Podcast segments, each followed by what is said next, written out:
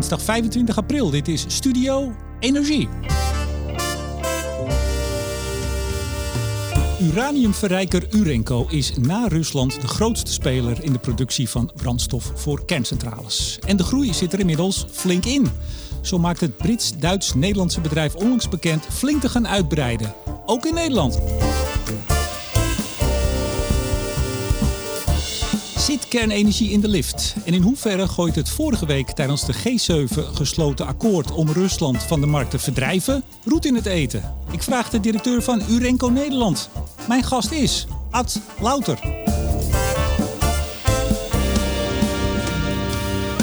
En Studio Energie wordt mede mogelijk gemaakt door de vrienden van de show Koninklijke FMW, Stedin, Neptune Energy, Lightsource BP en Eneco. Meneer Louter, hartelijk welkom. Dankjewel. Ja, Leuk je weer te zien. eh, ja vier, vier en een half jaar geleden. Ja, 2018. Zeker, november. Ja. En toen gebeurde er nogal wat. Ja, sindsdien is er ook eh, heel veel gebeurd. Ja, zullen we het daar eens over gaan hebben? Prima idee. We zitten op uw kamer hè, in het eh, Uranium Enrichment... Nee, de Uranium Enrichment Company. Urenco, ja. Ja, ja nee, dat klopt. Gelukkig. In, eh, in Almelo. Eh, ook voorzitter van Nucleair Nederland, zeg ik erbij. Maar ik spreek u als Urenco. Algemeen baas. directeur van Urenco. Ja, Maakt, maakt dat veel verschil? Nee, voor mij niet. Eh, ik, heb, ik, laat me, ik heb geen last van de gespleten persoonlijkheid of zo. Nee? Nee, maar Nucleair Nederland is natuurlijk veel breder. Dan hebben we het ook Ja. over, over medische Ja. isotopen. Dat doet u ook wel wat mee hier. Maar we hebben het vandaag echt over kernenergie. Ja. Oké. Eh, ja, ik zei het al, 4,5 jaar geleden. Toen spraken we elkaar. Eh, weet u nog wat toen de aanleiding was? Ik ga u niet overhoren hoor. Maar Nou, dat moet je me maar even vertellen wat toen de aanleiding was. nou, er was net een uitzending geweest van Arjan Lubach. bij de. VPRO. Ja, En de VPRO was positief over kernenergie. Ja, u glimt nu alweer. Eh Klaas Dijkhoff die, kwam naar buiten en die zei... nou, zonder kernenergie gaan we die klimaatdoelen nooit halen. Alleen hadden we een kabinet toen dat geen kernenergie wilde. Dus eh, de andere coalitiepartijen die eh, sprongen op. En eh, D66 natuurlijk met name. Nee, dat willen we niet. En toen was het nogal een enerverende week en toen sprak ik u. Ja, en, en daarna hebben we dus toch die coalitie gekregen... die in zijn coalitieakkoord wel kernenergie opneemt. Ja, maar dat, is, dat wil nog niet zeggen dat ze er ook gaan komen. Nou, er wordt hard gewerkt aan de voorbereiding. Dat gaat niet van vandaag op morgen. Maar als je kijkt wat er in die vier, vier en een half jaar gebeurd is, dan is dat toch echt heel veel. Als ik nou eens zeg, Remco, dat er eh, voor het eerst in 50 jaar in Nederland een reactor gebouwd wordt. Namelijk in Petten. Ja, Vergunningen zijn rond. ja. Eh, en, en dat is niet zonder betekenis. Natuurlijk eh, vanuit nucleaire geneeskunde gezien, maar ook vanuit ehm, kernenergie gezien. Eh, omdat dit eigenlijk ook de blueprint is voor die straks die twee grote nieuwe reactoren die er komen. ja, u hebt het over de Pallas, hè? Ik heb het over de Pallas-reactor die in Petten komt in Noord-Holland. Had wel wat voet in de aarde, hè? Het heeft een lange aanloop gehad, ja. Ja, wel heel veel voet in de aarde. ja. Ja. Maar nou, ehm, was u in 2018, toen sprak ik u. En toen, eh, ja, het was een beetje, beetje, beetje zielig wel. U was niet welkom aan de klimaattafel. Waarover iedereen zat. Iedereen die maar iets, die het woord energie kon spellen, die zat aan tafel bij meneer Vendrik. En u Ja. niet. Eh, Ja. De ecomodernisten mochten ook niet. U hebt het allemaal geprobeerd aan tafel te komen. Nou, ehm, eh, ik ben met een boek bezig. Daar komt uitgebreid te staan. Met in wat voor bochten iedereen zich wrong om u maar buiten de deur te houden. Daar laten we nu even zitten. Maar nou heeft meneer Vendrik in een nieuwe rol, het is toeval, als eh, Nationaal Klimaatplatform Paus, de op, opvolger van meneer Nijpels, die is honderd dagen het land ingegaan, is met iedereen gaan praten, heeft hij verslag over Nog niet uitgebracht. met ons. Wat zegt u dat? Een gemiste kans, maar dat is hetzelfde wat ik in 2018 gezegd heb. Want ik denk er nog precies zo over. We hebben kernenergie nodig om onze klimaatdoelen te halen. Dus ik zou dat gesprek met Kees Vendrik heel graag aangaan. Maar even serieus, hè? want u bent altijd heel keurig. U, bent, eh, u zou zo diplomaat kunnen zijn. U zegt het altijd heel netjes. Maar dan hebben we een kabinet, in tegenstelling tot 2018, het huidige kabinet zegt, we gaan er twee bouwen. Ze zeggen dat ze er heel druk mee zijn, en daar gaan we dan vanuit. En dan hebben we de, de man die dat allemaal moet coördineren, die hele transitie, of althans, ja, ja, platform, hè, in ieder geval opvolger Nijpels, centrale figuur. Die heeft een verslag gebra- uitgebracht waarin hij met, nou, ik zou bijna tegen de luisteraar zeggen, kijk het even na, met wie die allemaal is gaan praten en zijn mensen. En dan is nucleair Nederland en alles wat erbij komt kijken, gewoon niet. Dat zegt toch iets? Ja, dat, nou ja, dat zegt ongetwijfeld iets over waar hij zijn prioriteiten stelt. Waar we het nu met elkaar natuurlijk vooral over moeten hebben.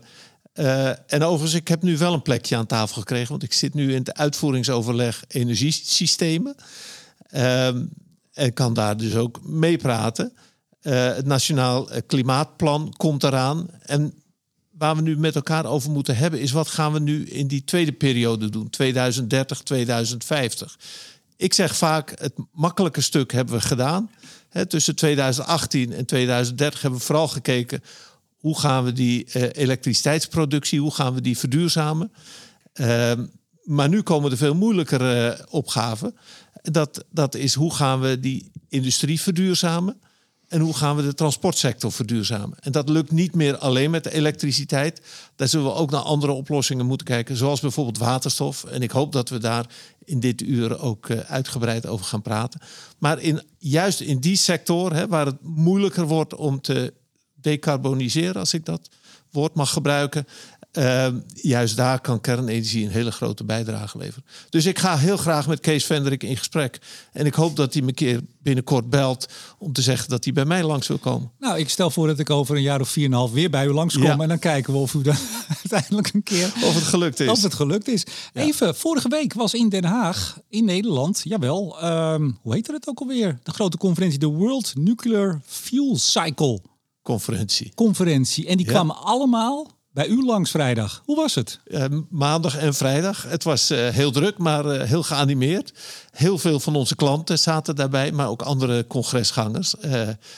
ja, ik vond het, ik vond het erg nuttig om op die conferentie. Ehm, om daar ook weer eens bijgepraat te worden over wat is nou de stand van de techniek, waar staan we. technologisch gezien, maar ook geopolitiek gezien. Hè. Er is daar op die conferentie ook heel veel gesproken over de rol van Rusland.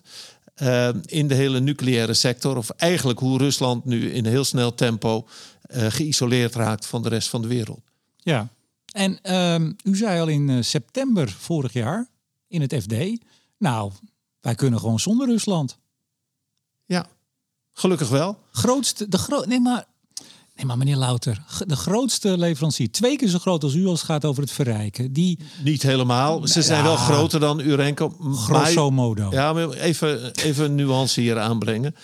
Um, Rusland heeft een heel grote interne markt. Daar hebben we het hier niet over. Er zijn landen heel nauw aangesloten bij Rusland. Daar hebben we het hier niet over. Dus we hebben het eigenlijk over het deel van de Russische capaciteit. wat zij leverden aan laten we zeggen, westelijk halfrond. Aan Europa, aan de Verenigde Staten, aan Canada. Die landen, daar gaat het vooral over. En dat is een relatief veel kleiner deel van hun inderdaad grote capaciteit. Maar het lijkt me toch dat als de ambities van met name India en China de komende jaren werkelijkheid moeten worden op het gebied van kernenergie, dat die ook ergens brandstof vandaan moeten halen. Nou, nu noemt u dus twee landen die eh, zich niet hebben aangesloten bij dat pact dat zegt wij willen, wij willen ons minder afhankelijk worden maken van, uh, van Rusland. Nee, maar eigenlijk is het zo, maar we gaan al een beetje te veel de inhoud in. Dit was nog maar het aftrapje. Dit was nee, aftrap. nee, maar eigenlijk is het idee toch, als ik die verklaring van de G7, althans de vijf landen tijdens de G7, als ja. goed gelezen heb. En het is een uitgebreide verklaring. En daar staat eigenlijk, wij willen dat Rusland gewoon verdwijnt van het nucleaire podium. Dat willen we ook met fossiel. Dat lukt ons niet, want het gaat gewoon via de achterdeur naar India en China, et cetera. De productie van uh, gas en olie is zelfs gewoon nog op peil. Maar de intentie is wel van die vijf westerse landen dat China gewoon helemaal verdwijnt. Maar dan heeft. Rusland. Uh, pardon, pardon, Rusland. Dan, dan heeft uh, de kernenergiewereld, die graag ziet dat er meer kernenergie gebruikt gaat worden in de wereld, heeft dan toch ook een probleem. Nou, ik herhaal nog een keer, Remco, wat ik net zei. Het gaat ons lukken als westerse wereld om ons onafhankelijk te maken van Rusland. Goed zo. Nou, u gaat uitbreiden. Wat gaat u doen hier in Almelo? Het is al een enorm complex en het wordt nog groter.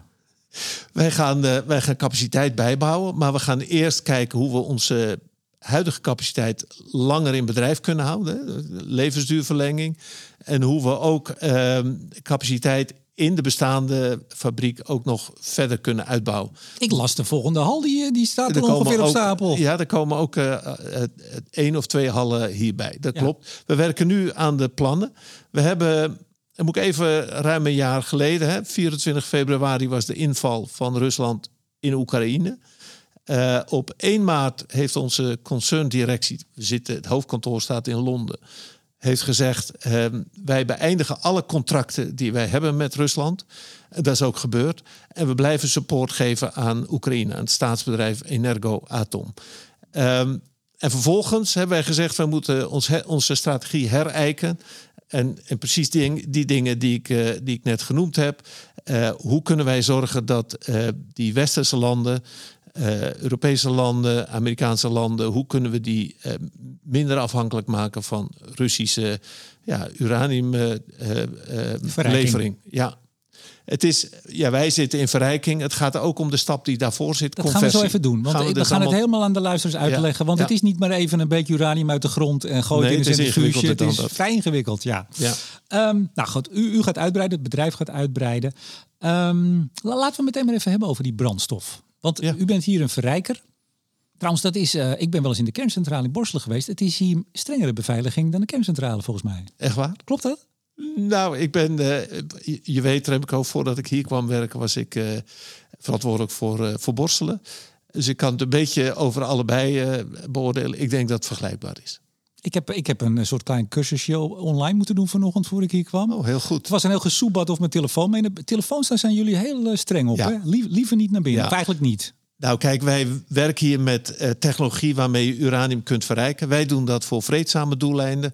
Maar bekend is natuurlijk dat als je hoog verrijkt gaat, dat dat ook voor militaire strategische doeleinden kan. Dat mogen wij niet, dat willen wij niet. Maar die technologie moet goed uh, beveiligd worden. En daarom uh, geen, uh, geen foto's maken, geen beelden maken, et cetera. Maar ik ben in het bezoekerscentrum, is toch wel even leuk. Ik ben in het bezoekerscentrumje, of nee, de, de, de Ja, security lounge. Nee, ik Oh. ben eens binnengekomen Ja. bij de security. Daar, dat duurde even. Daar was ik doorheen. Er staan poortjes en al, allemaal apparatuur moest even, nou, et cetera. Toen ben ik met een autootje met een beveiliger hier naar het bezoekerscentrum gebracht. Daar zitten we nu, met kantoor. Ik moest net even naar de wc. Daar liep een dame mee. Die bleef ook staan. Nog net niet binnen, maar... ik bedoel, hoe moet ik dan iets fotograferen? Dat kan toch helemaal niet? Je hebt echt een VIP-behandeling gehad. Is eh, dat voor- zo? Ja. Nou goed, anyway. Het is nogal streng hier. Even. Dat is niet voor niks. Want brandstof voor die meer dan 400 kerncentrales in de wereld. Die eh, zijn drie partijen ongeveer waar ze terecht kunnen. Hè? Dat is in Rusland. Nou ja, is, was. Dat is Ja. bij u en bij de Fransen. ja. Voor u is de, de- die, Rusland van toneel af natuurlijk fantastisch. Nou, dat biedt ons de mogelijkheid om uit te Ja, breiden. commercieel klopt. bedoel ik. Ja, dat is een, klopt. eh, je grootste concurrent die, eh, die, die moet van toneel af. Ja, heeft zich gedisqualificeerd, zeggen wij dan. Ja. Ja. Het is overigens een vierde eh, partij, komt daar ook bij. Dat zijn de Chinezen. Zijn nu nog heel klein, ehm, maar groeien heel snel. Ehm, maar hebben ook een grote binnenlandse markt. Dus we zien ze niet meteen, denken we, op het wereldtoneel. Maar ook zij zijn aanwezig. Nou, heel klein. Een derde van u. De Chinezen. Ja, ja.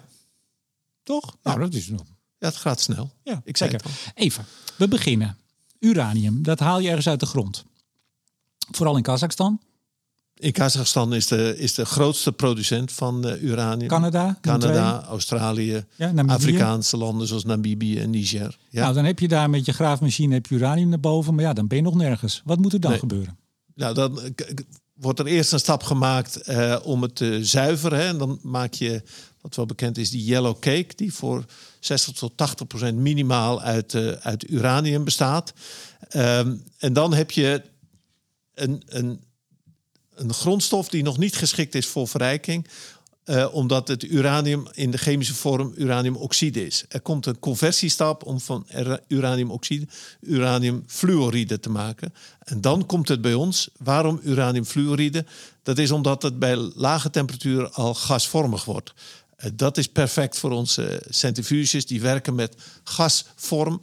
Ehm, ja, en dan gaan wij het verrijken. En dat moet ik dan even uitleggen. Het uranium wat je vindt in de, in de mijnen...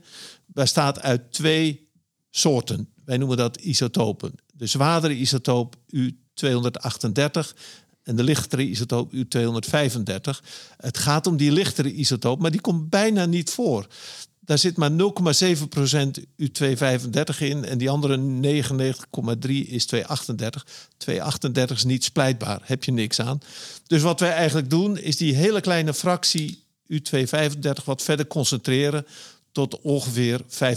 En dat noemen we verrijkt uranium of laag verrijkt uranium. En daar hebt u duizenden centrifuges voor staan hebben hier. duizenden centrifuges voor staan. Ik dacht, eh, heel vroeger dacht ik, nou ja, die hebben een centrifuge. Misschien Ja. hebben ze er drie. Maar Zoals thuis. De slaascentrifuge of de, of de wasmachine. Slacentrifuge, ja, dat was vroeger, hè? Bestaat Ja. dat nog? Ik weet het niet. Oh ja, er, knikt iemand hier aan tafel, ja. Ehm, nee, maar er zijn duizenden, dus niet al te grote apparaten. Dat is omdat het in gasvorm is daar hè, idle, hoe, hoe zou ik dat zeggen, heel sterk verdund. Mhm. Ehm, en je hebt een één centrifuge doet niet veel. Je hebt een heleboel herhaling nodig om dat uiteindelijk voor elkaar te krijgen. Ja, dus we zitten hier al in stap drie. Dus we hebben Ja. het mijnen van uranium, we Ja, hebben de conversie, Conversiestap, dan hebben we het verrijken en dan moeten er nog brandstof. elementen, Elementen van gemaakt ja, worden. Dat noemen we dus ook brandstoffabricage, hè, fuel manufacturing.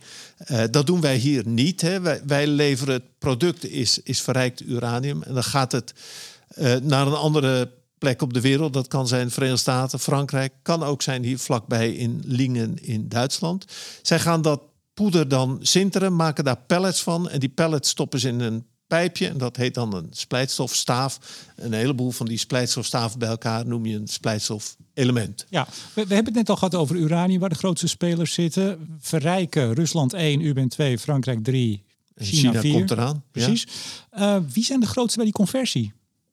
Oh, dat zijn er verschillende. Ehm, in Canada en in de Verenigde Staten zitten een paar grote spelers. En in Frankrijk ook. Ja. En de Russen kunnen dat ook. En fabricage, nou dat zei u al, hè, VS, Frankrijk. Maar de VS heeft dan weer de Russen nodig. Want het is één groot wereldwijd, eh, hoe zeg je dat, interlocked. Iedereen zit eigenlijk aan elkaar zat, tot nu toe aan elkaar verbonden met al die stappen.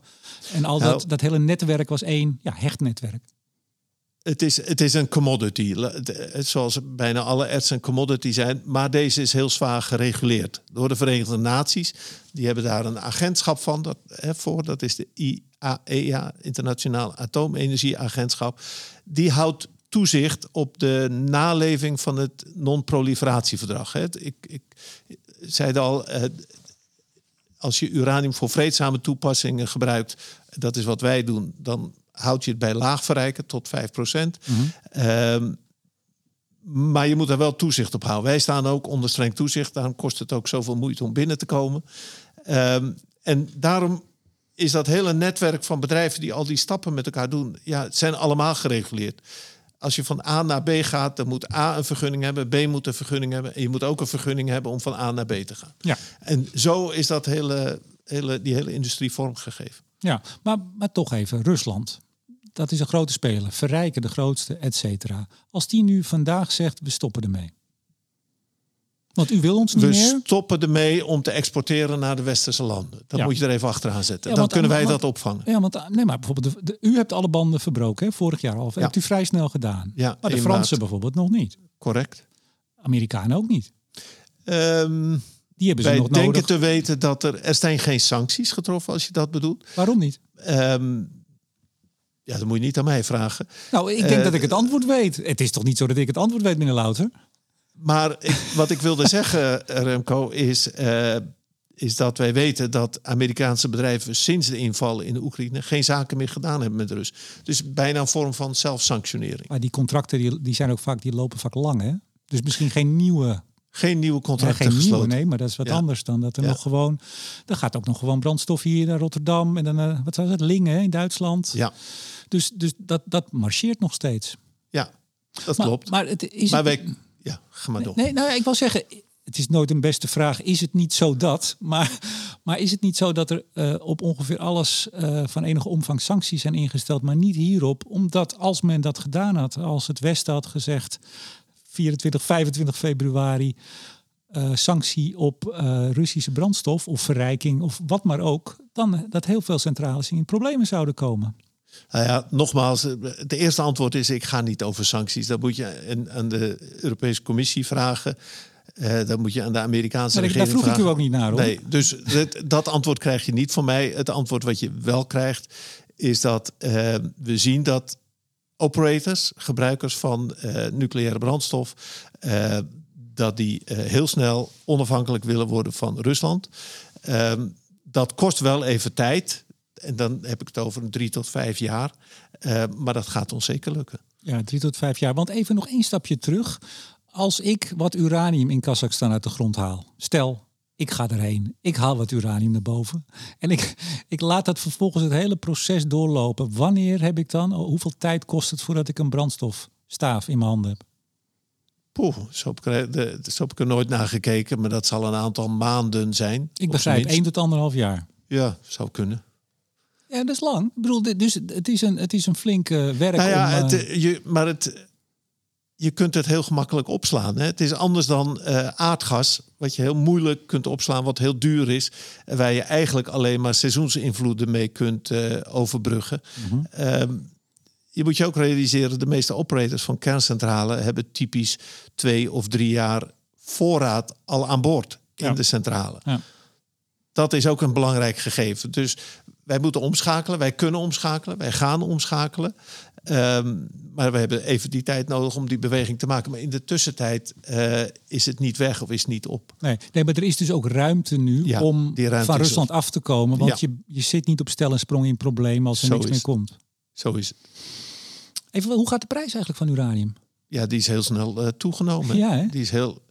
We hebben eigenlijk een beweging gezien in 2011. Na Fukushima ging de prijs naar beneden.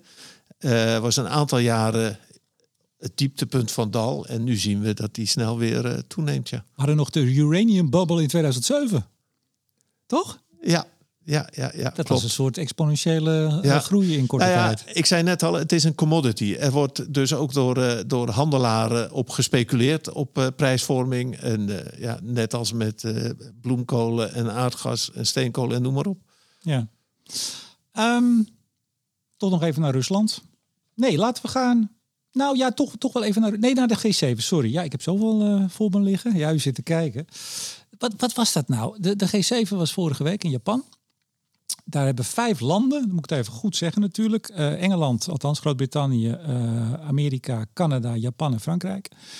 Nou, die hebben eigenlijk benadrukt nogmaals wat ze al in juni vorig jaar hadden gezegd. Van nou, we willen eigenlijk zo snel mogelijk van de Russen af. Ja. Bete- wat betekent dat? Behalve een herhaling van al gezegd. Dat betekent het. Het is een bevestiging van eh, beleid wat al ingezet is. En wat zij eigenlijk zeggen, wij willen ons onafhankelijk maken van, van Rusland. Ehm, wat je ook even voor ogen moet houden, is dat eh, Rusland in Oost-Europese landen, te beginnen met Oekraïne, ehm, maar ook al die andere landen die daar liggen, hè, Bulgarije, Hongarije, Slowakije, Slovenië, Tsjechië, ehm, maar ook een land als Finland, hebben zij eh, in het verleden eh, kerncentrales geleverd. Hè, het type VVER voor, eh, voor de technici. Ehm, maar die kerncentrales moet je in principe ook bevoorraden met Russische splijtstofelementen. Waar we Slim, net hè? Slim, dan creëer Ja, je ook nog ja, je ja. eigen markt. Ja. het is net als met die printer cartridges. Ja. En nu is het gelukt eh, door de Amerikanen om eh, die splijtstofelementen zelf ook te maken. En ook gekwalificeerd krijgen. Ook dat is aan strenge wet en regelgeving verbonden. En nu kunnen dus westerse landen die VVER-reactoren ook bevoorraden. Dat is overigens al een tijdje geleden ingezet. Want al in 2014, toen de Russen de Krim binnenvielen... eh, toen is dat begonnen en heeft Oekraïne aan het Westen gevraagd... kunnen jullie dan tenminste voor de helft van onze reactoren... kunnen jullie eh, brandstof leveren. En, die- dat is gelukt. ja, die Amerikanen, dat is Westinghouse, hè, het Westinghouse. bedrijf. Ja, Die hebben daar wel een kunststukje uitgehaald. Want het leek er altijd op dat het heel moeilijk of niet zou kunnen. En in een paar jaar tijd, relatief kort, zeggen we dan, is Ja. dat toch gelukt. Ja, met een, met een, met een eh, moeilijk technisch woord. Het is een soort reversed engineering. Hè? Je hebt het ontwerp niet, maar je ziet wel voor je wat het moet zijn. En aan, wel, aan welke eisen moet je daaraan stellen, welke specificaties. Ja, dat is echt wel een huzarenstukje. En het Westinghouse, dat is al vijf jaar geleden failliet gegaan, hè? Nou, het is ook weer doorgestart. En, ja. en nu weer in handen van, eh, van nieuwe partners en partijen. Ze bestaan nog steeds. En Ja. ze, timmeren, ze timmeren echt aan de weg. Ja, nee, helder. Maar u zei het ook even Hongarije. Maar Hongarije, die zijn nog juist wel, wel weer met de Russen redelijk in zee, hè? Dat is, eh, dat is denk ik dat Hongarije op dit moment lastig is om in Europa consensus te bereiken. Want Hongarije wil wel zaken doen, blijven, blijven doen met de Russen. Ehm, ja, is correct. Dat zou een van de redenen kunnen zijn waarom die sanctie er nog niet is. Waar Duitsland nu op zit te drukken. En dat was toevallig een, een dag nadat ze, na twee dagen nadat ze afscheid hadden genomen van hun eigen kernenergie, heeft Habeck, minister, aangedrongen om in het volgende EU-sanctiepakket Russische kernbrandstof, et cetera, te stoppen? Nou, we weten natuurlijk, en daar wil je naartoe, uh, Duitsland is uh, kernenergie aan het uitfaseren. Hij is uitgefaseerd. Dus ze hebben de laatste drie nu stilgezet. Uh, en uh, Duitsland wil daar eigenlijk mee verder gaan. Hè? De, ja, Waar verder ik vind gaan? het, met het helemaal uitfaseren Ja, ja. van kernenergie, maar uh, gaat daar ook mee uh, de boeren op bij, uh, bij andere landen in Europa. Ja, nou bent u een Brits-Nederlands-Duits bedrijf. Ja. Ik zag al in 2011 dat Duitsland eruit wilde. Ons RWE en E.ON, die dan uw aandeelhouder zijn, die wilden in 2011 er al uit. 2016 riepen ze het nog steeds. Zijn ze nou al weg? Nee, die zijn nog steeds aandeelhouder. Waarom? Ja, dat moet je natuurlijk aan onze aandeelhouders vragen. Dat moet je niet aan mij vragen. Ik begreep, omdat hij toch eigenlijk... Uh, u bent begonnen in de jaren 70, uh, hè? Uh, ja. ook in Almelo en, en Urenco. Dit is eigenlijk een staatszaak. Duitsland heeft het toen ja. ondergebracht bij ja. zijn twee grote energiebedrijven. Maar het is eigenlijk een staatsaangelegenheid. Groot-Brittannië wilde er ook vanaf, een aantal jaar geleden. Volgens mij begon het bij Groot-Brittannië. Volgens mij is het al begonnen ergens onder Margaret Thatcher. Die wilde privatiseren. Um, en uh, die, de Britten boden eigenlijk als eerste hun, uh, hun aandelen aan. Ja. ja. Daarna de Duitsers. En uiteindelijk is het helemaal niet gebeurd. Nee, maar ik begrijp dat uh, alle drie het ermee eens moeten zijn. Dus ook de Nederlandse overheid. En die is ja. er niet mee eens. Zo ja, begrijp ik het. Oké. Okay, maar u, nee, u weet hoe het zit. Nee, nee, dat weet ik niet. Want daar gaan onze aandeelhouders over en niet wij. U, dit heeft gespeeld in de jaren 2013, 2017. Ja, u weet volgens mij best wel iets meer, maar u, u brandt zich hier niet aan. Ik denk dat het niet verstandig is dat ik hier uh, mijn mening over ga geven. Het, het, is aan de aandeelhouders om daar een besluit over te nemen. Maar ze kunnen, ze kunnen dus niet zomaar weg. Je kunt niet zeggen nee, zoals bij er zit gewoon... een kwaliteitseis ja. aan aandeelhouders. Ja, klopt. Hm. Even dat, uh, nou die G7 hebben we gehad. Uh, nogmaals benadrukt. we proberen er vanaf te komen. Merkt u daar nou al iets van, letterlijk? Dus we, bedoel, ziet u verschuiving in de markt, dat klaarmaken voor wat? Ja, u gaat uitbreiden, dat is één. U bent een grote speler. Wat ziet u nog meer in de wereld gebeuren nu? Nou ja, wat we vooral uh, zien, en, en dat werd verleden week op die World Nuclear Fuel Cycle Conference bevestigd, is dat de hele nucleaire sector zich onafhankelijk wil maken van Rusland. Rusland heeft altijd een belangrijk uh, aandeel gehad in die hele nucleaire sector. Hoewel niet zozeer in uranium mining, daar zijn ze eigenlijk relatief heel klein. Uh, maar wel in die conversie, in die uh, verrijking, in fuel manufacturing. En ook in het ontwerp en leveren van reactoren. Maar willen India en China dat dan ook? Want u zegt de hele, zo van de hele uh, nucleaire nou, fuelwereld. Maar... Er, is, er is overduidelijk een economische samenwerking tussen Rusland en China. partijen bezoeken elkaar. Ehm, en hoe dat precies zit met India is ons niet helemaal duidelijk. Maar India heeft ook het non-proliferatieverdrag niet getekend en wil ook op dit moment nog geen duidelijk afstand nemen van Rusland. Maar laat ik zo zeggen, het is toch goed om denk ik even te benadrukken dat uh, we komen zo nog wel even op de, de verwachtingen van de groei van kernenergie wereldwijd.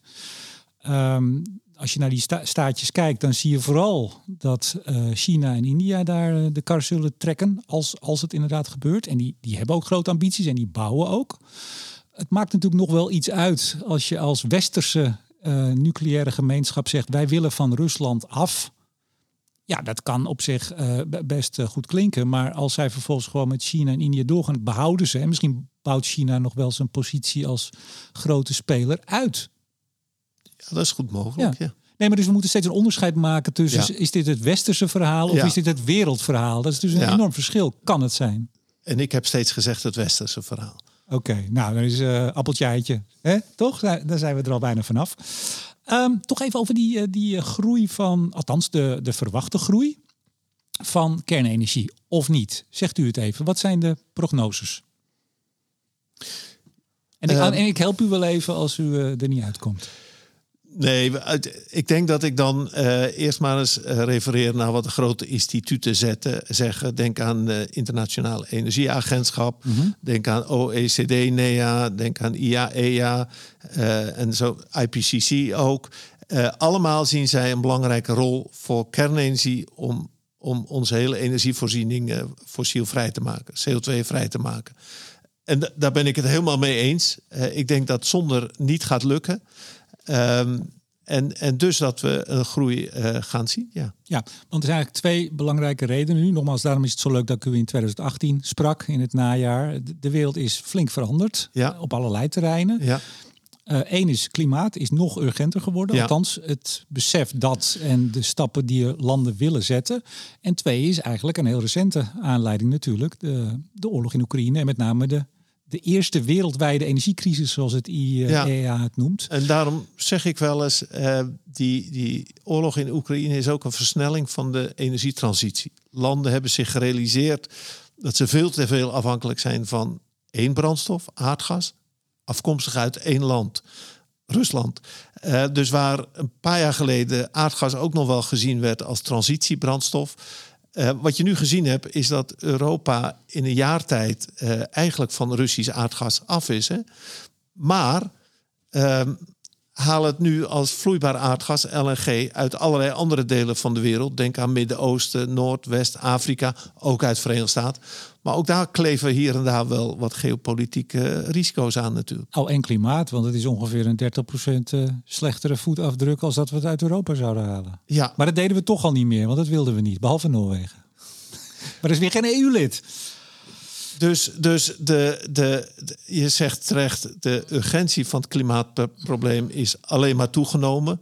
Ik zou eraan willen toevoegen, toevoegen ook de complexiteit. Meer en meer zijn we nu gaan beseffen eh, dat het een heel complexe eh, opgave is en dat we echt alle CO2-vrije bronnen nodig hebben. Ik kom nogal eens mensen tegen die zeggen we gaan vol voor zon en wind. Eh, net over eentje gesproken. Ehm, en, en we denken dat het kan, maar eigenlijk bedoelen ze te zeggen: we willen dat het kan. Hè. Het gaat veel vaker over wat we willen dan over wat we kunnen. En als je nou echt een goede analyse maakt, en als we dan even teruggaan naar Nederland. En je realiseert je dat eh, ons elektriciteitsverbruik gaat verdrievoudigen, misschien wel verviervoudigen.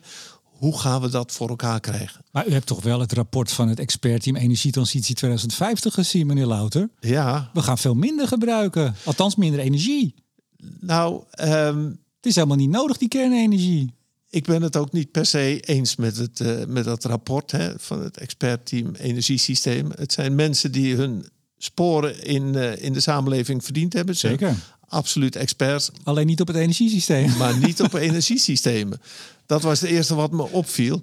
Ehm, en, en je ziet dan, nou, we hebben het over, over maar voorspellen is altijd moeilijk, maar er zijn toch wel heel veel bronnen, wetenschappelijke bronnen, die aangeven dat eh, onze elektriciteitsverbruik heel sterk gaat groeien. En waar, waar ik eigenlijk het meest moeite mee heb in hun rapport, is dat ze zeggen als uitgangspunt kiezen we dat we het met hernieuwbare bronnen willen doen. Ehm, en dan zeggen ze, onze aanname is dat we een perfect systeem ontwerpen, waarmee je vraag en aanbod kun je helemaal matchen. En dan komen ze tot de conclusie dat ze kernenergie niet nodig hebben. Ja, maar dat is gewoon een, een, een klassieke cirkelredenatie. Ja, nou, het is, het is, iets zwart-witter in de media gekomen. Hè. Of eh, NRC had eh, kernenergie is niet nodig als kop, alsof ze dat gezegd zouden hebben. Nou, dat staat er dan niet in. Maar er staat wel, dat vond ik bijzonder, eh, persoonlijk bijzonder, dat omwille van de politieke aandacht voor kernenergie is er kort ingegaan in het rapport op de mogelijke rol van kernenergie. Nou, dan heb je er, heb je er niet heel veel zin in, hè? Zegt van, nou ja, vooruit, we hebben het toch maar gedaan. Dus het is echt met lange tanden. Maar iemand anders die, eh, u, kunt, u zult haar kennen, Steffi Lemke, de Duitse minister van eh, Milieu en ook van Nucleaire Veiligheid. Die heeft nog, eh, ik geloof de dag voor of op de dag zelf dat Duitsland afscheid nam, 15 april. Weer eens even uiteengezet eh, waarom, waarom Duitsland eraf gaat. En daar staat, en dat hebben we in Nederland ook natuurlijk heel vaak gehoord en horen we nog steeds. Het is gewoon niet nodig meer, Louter. Duitsland zegt het. Het is niet nodig. We kunnen zonder kernenergie. Zij komt van een partij die zijn, zijn fundament heeft gebouwd op de anti-kernenergiebeweging. En dat mag, hè? Je mag, je mag tegen zijn. Gelukkig leven wij in een democratische rechtsstaat. En dat geldt voor Duitsland ook. Ehm, zij gelooft dat het allemaal zonder kan, maar ze vertelt niet hoe dan. Eh, nou, ja, jawel, zon, wind, eh, waterstof, et cetera. En waar komt die waterstof vandaan? Ja, nee, gaat u mij niet over horen. Ik ben het waarschijnlijk op dit vlak mogelijk met u eens. Maar, nee, Kijk, maar het, probleem, het probleem van Duitsland is dat zij op dit moment de grootste carbon footprint van Europa hebben. En ook de hoogste elektriciteitsprijzen. Dus ergens doen ze iets verkeerd. Ze zijn heel zwaar afhankelijk nu van steenkool en bruinkool. Die willen ze uiterlijk 2038 uitfaseren, maar liever nog 2030. Ja, en waar ga je dat dan door vervangen? En dat zeggen ze niet. Meer zon en wind lossen de intrinsieke problemen van zon en wind niet op. Ja, maar, maar laten we even toch proberen naar het achterliggende. En dan zult u zeggen, nou dat moeten we aan mevrouw Lemke vragen, maar we kunnen toch zo met z'n tweeën, daar luistert niemand. Kunnen we toch een beetje filosoferen? Hoe, hoe, kan het, denkt u? Wat gebeurt er? Wat, zit er, wat gebeurt er in, in Duitsland in de politiek? Wat gebeurt er soms uh, in Nederland in bepaalde kringen? Dat op het moment dat Europa en zeker Duitsland is geconfronteerd met een aantal keuzes die ze de afgelopen decennia gemaakt hebben, bijvoorbeeld afhankelijkheid van Rusland. Daar zijn zij en daar zijn wij en de hele wereld eigenlijk zeer hard mee geconfronteerd sinds de inval in Oekraïne. Dat dan nog steeds eigenlijk men niets zegt, nou laten we wat ruimer gaan zitten, laten we in ieder geval verschillende bronnen gebruiken, maar we gaan toch eigenlijk, zoals ook het expertteam, nou het is, het is eigenlijk niet nodig, we kunnen met zon en wind. Hoe komt dat, denkt u? Wat, wat, hoe werkt dat? Ja, dat vind ik een hele moeilijke vraag. Wij zijn het al eens dat je alle CO2-vrije bronnen moet gebruiken. Nou, ik zou het in ieder geval niet uitsluiten. Dat lijkt je mij. Moet, je hebt de luxe helemaal niet om nu bronnen uit te sluiten. Um, en die opgave wordt gewoon veel moeilijker als je, als je zegt: ik ga me alleen maar richten op zon. Nee, maar dat is helder. Maar hoe, hoe want Duitsland, daar, zijn, daar zitten ook slimme mensen in het kabinet. Uh, minister Habeck, er zitten denktanks, er zitten allemaal mensen die ook naar het systeem kijken. En toch zeggen ze dan: ja, nee hoor, het is gewoon niet nodig. Ja, maar oké, er is soms een politieke realiteit naast de, de werkelijkheid. Als je nou ook realiseert dat in Duitsland 59% van de mensen in Duitsland is voor kernenergie. Ik bedoel, men heeft daar een coalitieakkoord gesmeed waar de liberalen zich al niet meer uh, plezierig bij voelen. Die hebben tot de laatste dag gezegd: laten we ze toch maar wel open houden. De coalitie in Duitsland staat onder spanning. Uh, maar de Groenen houden om ideologische redenen vast aan, uh, aan een uitstap. En dat hebben ze voor elkaar gekregen. Nu willen ze er ook niet meer over praten en ze gaan door. Ja, volgens mij lopen ze een doodlopende straat in. En wat betekent dat dan? Nou, dat ze zich te laat zullen realiseren dat ze toch heel veel elektriciteit zullen moeten inkopen in het buitenland. Als ze het CO2-vrij willen hebben. Dan wel dat ze toch verder moeten met, uh, met, die, uh, met steenkool en. Het is al gebeurd, feitelijk. Hè? Mm -hmm. Ze zijn in de afgelopen tien jaar hebben ze nog steeds uh, kolencentrales bijgebouwd. Is dat zo? Ja. Af, afgelopen hoeveel jaar, zei u? Afgelopen tien jaar. Ja, er is er nog eentje open gegaan. Ja. Maar die, die, die werd al gebouwd toen, hè? Toch? Ja, maar het, het, het, het, hele idee dat je, dat je doorgaat met steenkool en bruinkool, uh, terwijl je weet dat je al zo'n hoge CO2-footprint hebt. Ik vind het, ik begrijp het niet. Nee. nee, ik ook niet eigenlijk. Maar goed, wij waren het al eens op dit, op dit punt althans. Even toch, u haalde ze al aan, de IAEA, International Atomic Energy Agency. Ik heb even hun, uh, hun outlook, of hoe heet dat? Rapport uh, over 2021. Dat is vorig jaar verschenen, eind vorig jaar. Even kijken, even de getallen toch, voor wie ze naar wil zoeken. 437 zijn er in bedrijf, kerncentrales, althans reactoren moet ik zeggen. Uh, bijna 390 gigawatt draait er. Uh, 56 in aanbouw, dus 58 gigawatt. Uh, 6 zijn er in bedrijf genomen in 2021. En 10 zijn er buiten bedrijf gesteld. U knikt, dus ja, dan zal het, dan zal het, het klopt kloppen. ongeveer. Ja, ik zie soms cijfers die iets anders zijn, maar Ja. ik geloof het meteen. We kijken niet op een reactor meer of minder. Maar toch even de ver- verwachting. Dan hebben ze een low scenario en een high scenario. En bij een low, eh, oh sorry, ik moet er wel bij zeggen, pardon. eh 9,8% van alle stroom in de wereld is op dit moment kernenergie. 10 procent. Ja, Ja, het is iets gezakt hè. ja. Het is iets gedaald. Ehm, in het lage scenario 6,9 in 250, moet ik er even bij zeggen. In het hoge scenario 14% Het IEA die komen in 250 op 8% in hun raming.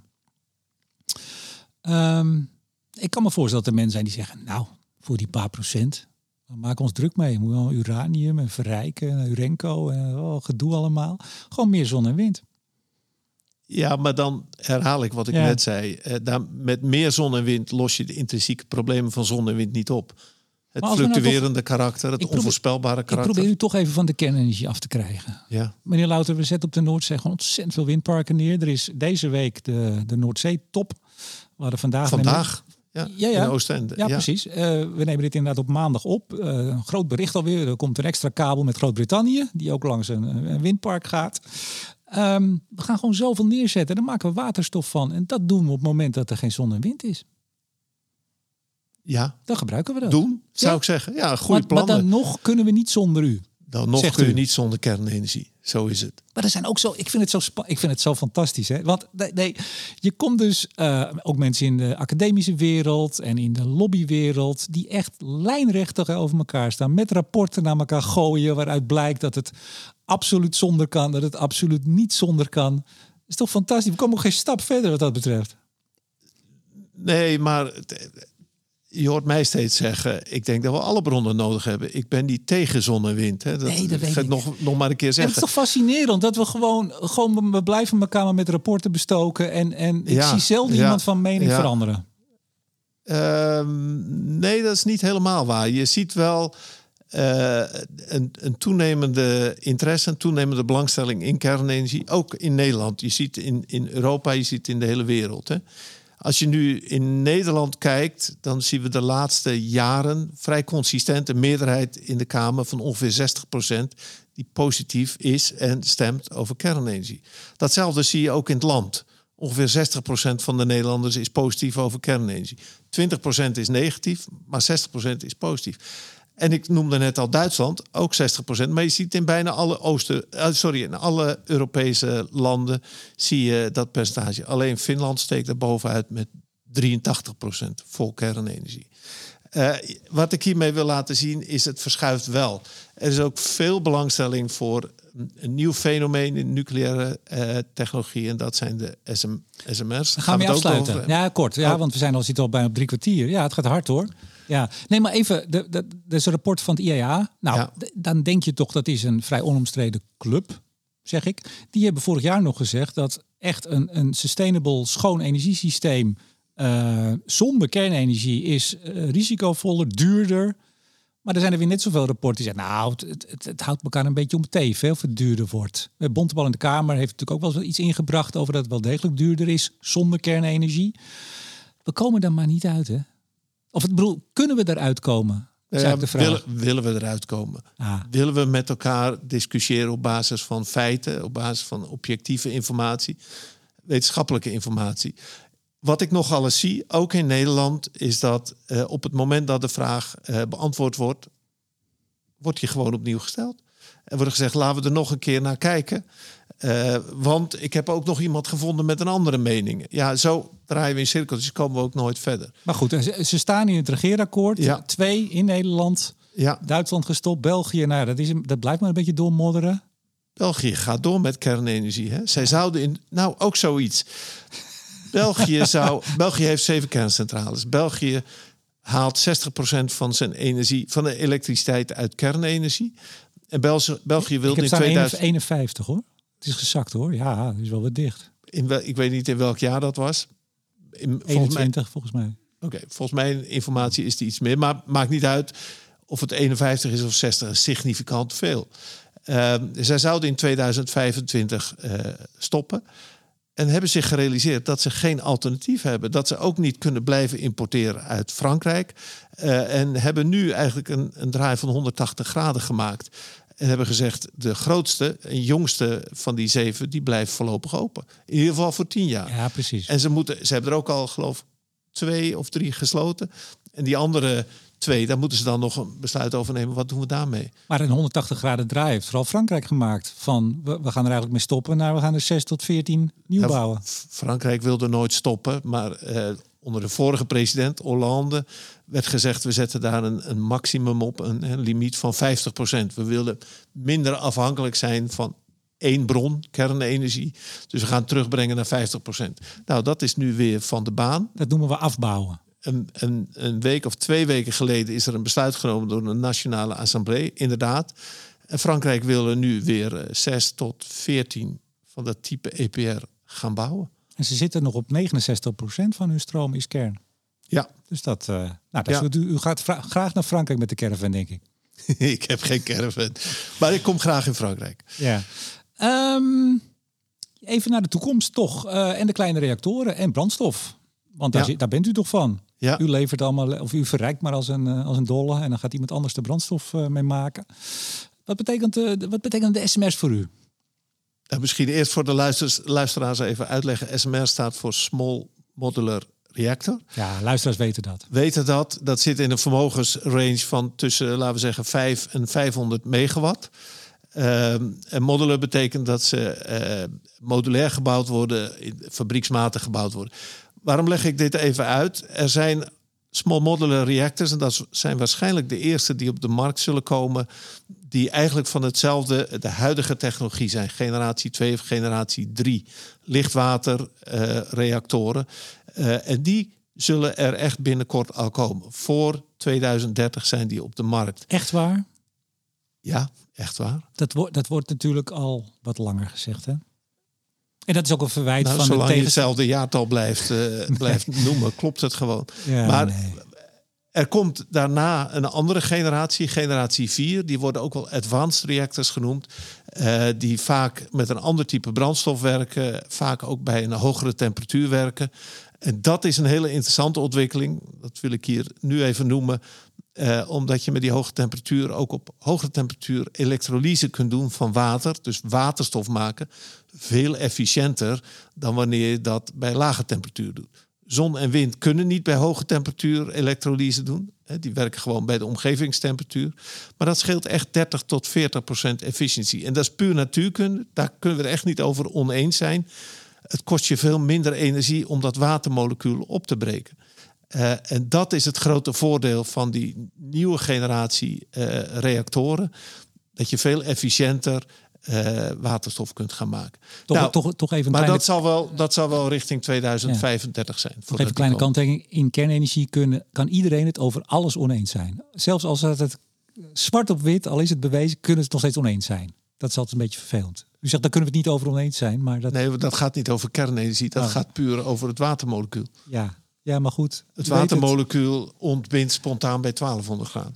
Daar Ja. zijn we toch niet over uh, oneens of wel? Nou, wij niet, maar er- er kunnen mensen het over van alles oneens zijn. ja, we hebben ja. zelfs een president gehad ergens in een ver land, die was het over alles ongeveer oneens. Of hè? fake Oké, news, dat kan. Even, HELU. H-L-E-U. Ja, Wat is dat? High Assay Low Enriched Uranium. Het is een afkorting. En dat is verrijkt uranium eh, tot een verrijkingsgraad van net onder de 20% En dan is het nog steeds de categorie laag verrijkt uranium, maar met relatief hoge SC's. Dat is eigenlijk wat in die naam opgesloten zit. HELU is de, de brandstof voor eh, veel generatie 4 hè, advanced reactors. En dan dacht ik dat Rusland daar nou ook weer op dit moment een rol in speelt. Althans, die kunnen bepaalde dingen die daar weer van, van belang zijn. Niet? Dat is mij niet bekend. Oh. Maar eh, we gaan dus naar een ontwikkeling toe. Eh, dat, je, dat je dus die hogere essays, die hogere verrijkingsgraad, eh, gaat eh, maken. Dat is vanuit de verrijkingstechnologie gezien niet per se heel moeilijk. Maar het gaat om die volgende stap.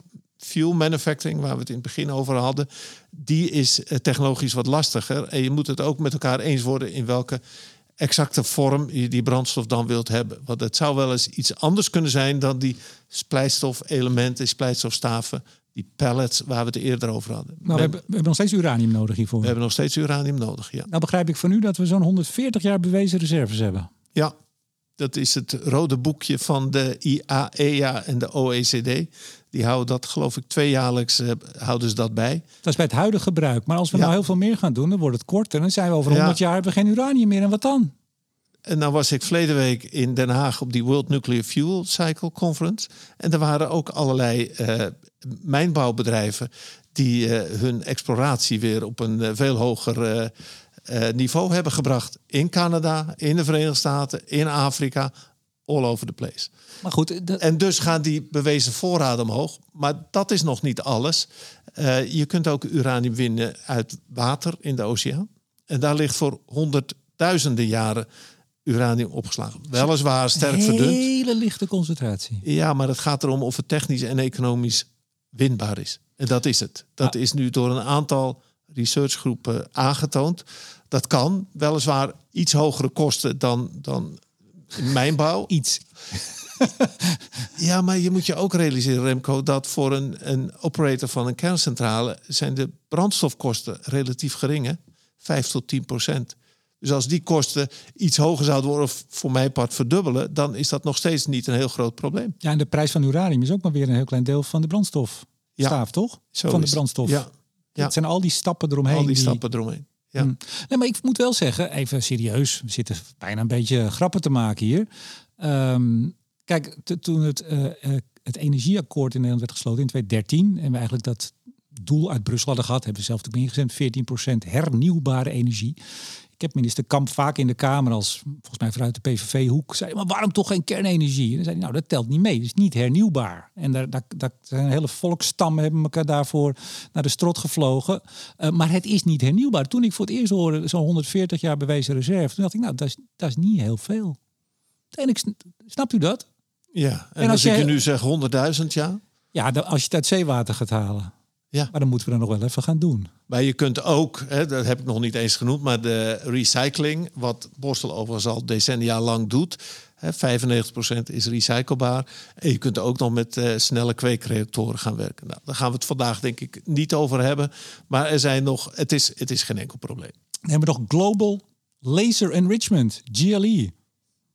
Kent u dat? Nee, dat zegt me niks. Oh, Vertel het. Nou, nee, nee, ik, ik ook niet. Ik, ik heb Oh. natuurlijk wat gelezen en hier en daar mijn licht opgestoken. Maar ik begrijp dat dat ook een hele nieuwe spannende ontwikkeling is. Nou, als u het niet weet, dan is dat waarschijnlijk of bedoel je om uranium te verrijken? Ja, Oké, ja, maar dat is, enrichment, dat hè? Verrijken. dat is geen nieuws. Eh, Oh. Dat is al veel vaker geprobeerd. Of je, of je met lasertechnologie uranium kunt verrijken. Ja. Ja, dat kan. Is het economisch haalbaar? Nee. Nee, maar het zeewater, eh, uranium met zeewater is ook nog niet... eh, Ja, maar dan heb je het over twee verschillende stappen. Hè? Dat Het weet ik. uranium wat ja, je uit- iets, dat iets Oh, nog niet eh, loont, wil niet zeggen Ja. dat het niet iets kan worden. Ja, maar de- met die laser enrichment moet je dus eerst concurrerend of zelfs beter zijn dan met de verrijking zoals wij het doen, met de centrifugentechnologie. Ja. Ja. Ik had bij de voorbereiding van het gesprek best moeite om. We hebben eigenlijk twee, of we hebben heel veel onderwerpen. Ik dacht, hoe breng ik hier lijn in? Ik weet niet of mij Of dat, dat gelukt gelukt is. is. Ga ik wel horen. Ik wil, ga nog wel één ding vragen. Dat vraag ik eigenlijk altijd ehm, bij de start-ups, start-up scale-ups, als ik die te gast heb om de zoveel tijd. Dat is namelijk, zoeken jullie nog mensen? Maar ik denk, ik ga het u nu ook maar vragen, want volgens mij hebt u er heel veel nodig. Ja, wij zoeken mensen. eh, en dat is omdat we gaan groeien. Hè. Eh, zullen we hier in Amlo bijvoorbeeld zo'n 20% meer mensen nodig hebben. Ehm, maar er is nog een ander fenomeen, eh, ook hier in Amlo gaande. Dat is de vergrijzing van onze populatie. We weten nu al dat in de komende tien jaar een, een, een fors deel van onze mensen, ongeveer een derde, met pensioen gaat. Ehm, en die zullen we ook moeten vervangen. We zullen om te beginnen de kennis die die mensen hebben, zullen we vast moeten houden. Dat is heel belangrijk. Eh, maar we zullen de mensen moeten vervangen als zij, eh, als zij met pensioen gaan. En dat betekent dat we, dat we hier eh, een forse, fors aantal nieuwe mensen gaan zoeken. Ja, Ik heb, ik heb 100 staan, dat u er 100 ja zoekt. nou misschien wel 150. Nou, dus iemand die ehm, en geïnteresseerd is in nucleair. Je, je moet wel een beetje van de nucleaire houden, hè? Of werken hier ook eh, zware anti-kernenergie mensen bij? u? Niet dat ik weet of ze zeggen het niet tegen mij. Ik denk dat, ik denk dat de mensen hier komen ook voor de purpose. Hè. Zij geloven in kernenergie. Ehm, maar dat kost ons, ja, het kost ons wel moeite. Maar het lukt ons nog steeds om nieuwe mensen te vinden. En daarvoor hebben we ook eh, goede banden hier lokaal, regionaal, met de Mhm. universiteit, met de hogeschool, met de ROC's. Ja, heel belangrijk. Maar wat voor, wat voor functies hebt u in de aanbieding? Oh, alles door het hele bedrijf heen. Van operators, maintenance technicians, eh, compliance mensen, recycling mensen. eh, maar ook op alle supportfuncties. eh, ja, Nou, ik, ik kan u melden, ik heb menige keer dat ik een start- en scale-up waar ik dit ook vraag en die ook eigenlijk altijd mensen zoeken, heb ik meermaals de volgende dag al een berichtje gekregen van de geïnterviewden dat ze al mensen hadden die reageerden. Of het wat geworden is, weet ik natuurlijk niet. Nou, in één geval weet ik dat ze er hartstikke leuk. twee hebben aangenomen. Dus nou, we gaan het zien. Hartstikke leuk. Ja. Zijn, zijn wij rond? Of hebt u nog dingen op uw lever? We gaan het niet over de medische isotopen, dat is weer een heel ander verhaal. Ander verhaal. Doen we een andere keer dan maar. Ja, zijn we rond? Ik denk het wel. Nou, dan zeg ik Ad Louter, directeur van Urenco Nederland en voorzitter van Nucleair Nederland. Hartelijk dank voor het gesprek. Graag gedaan. En uiteraard bedank ik ook jullie, beste luisteraars. En in het bijzonder alle vrienden van de show. Waaronder Koninklijke FMW, Stedin, Neptune Energy, Lightsource BP en Eneco. Mijn naam is Remco de Boer. Graag tot volgende week.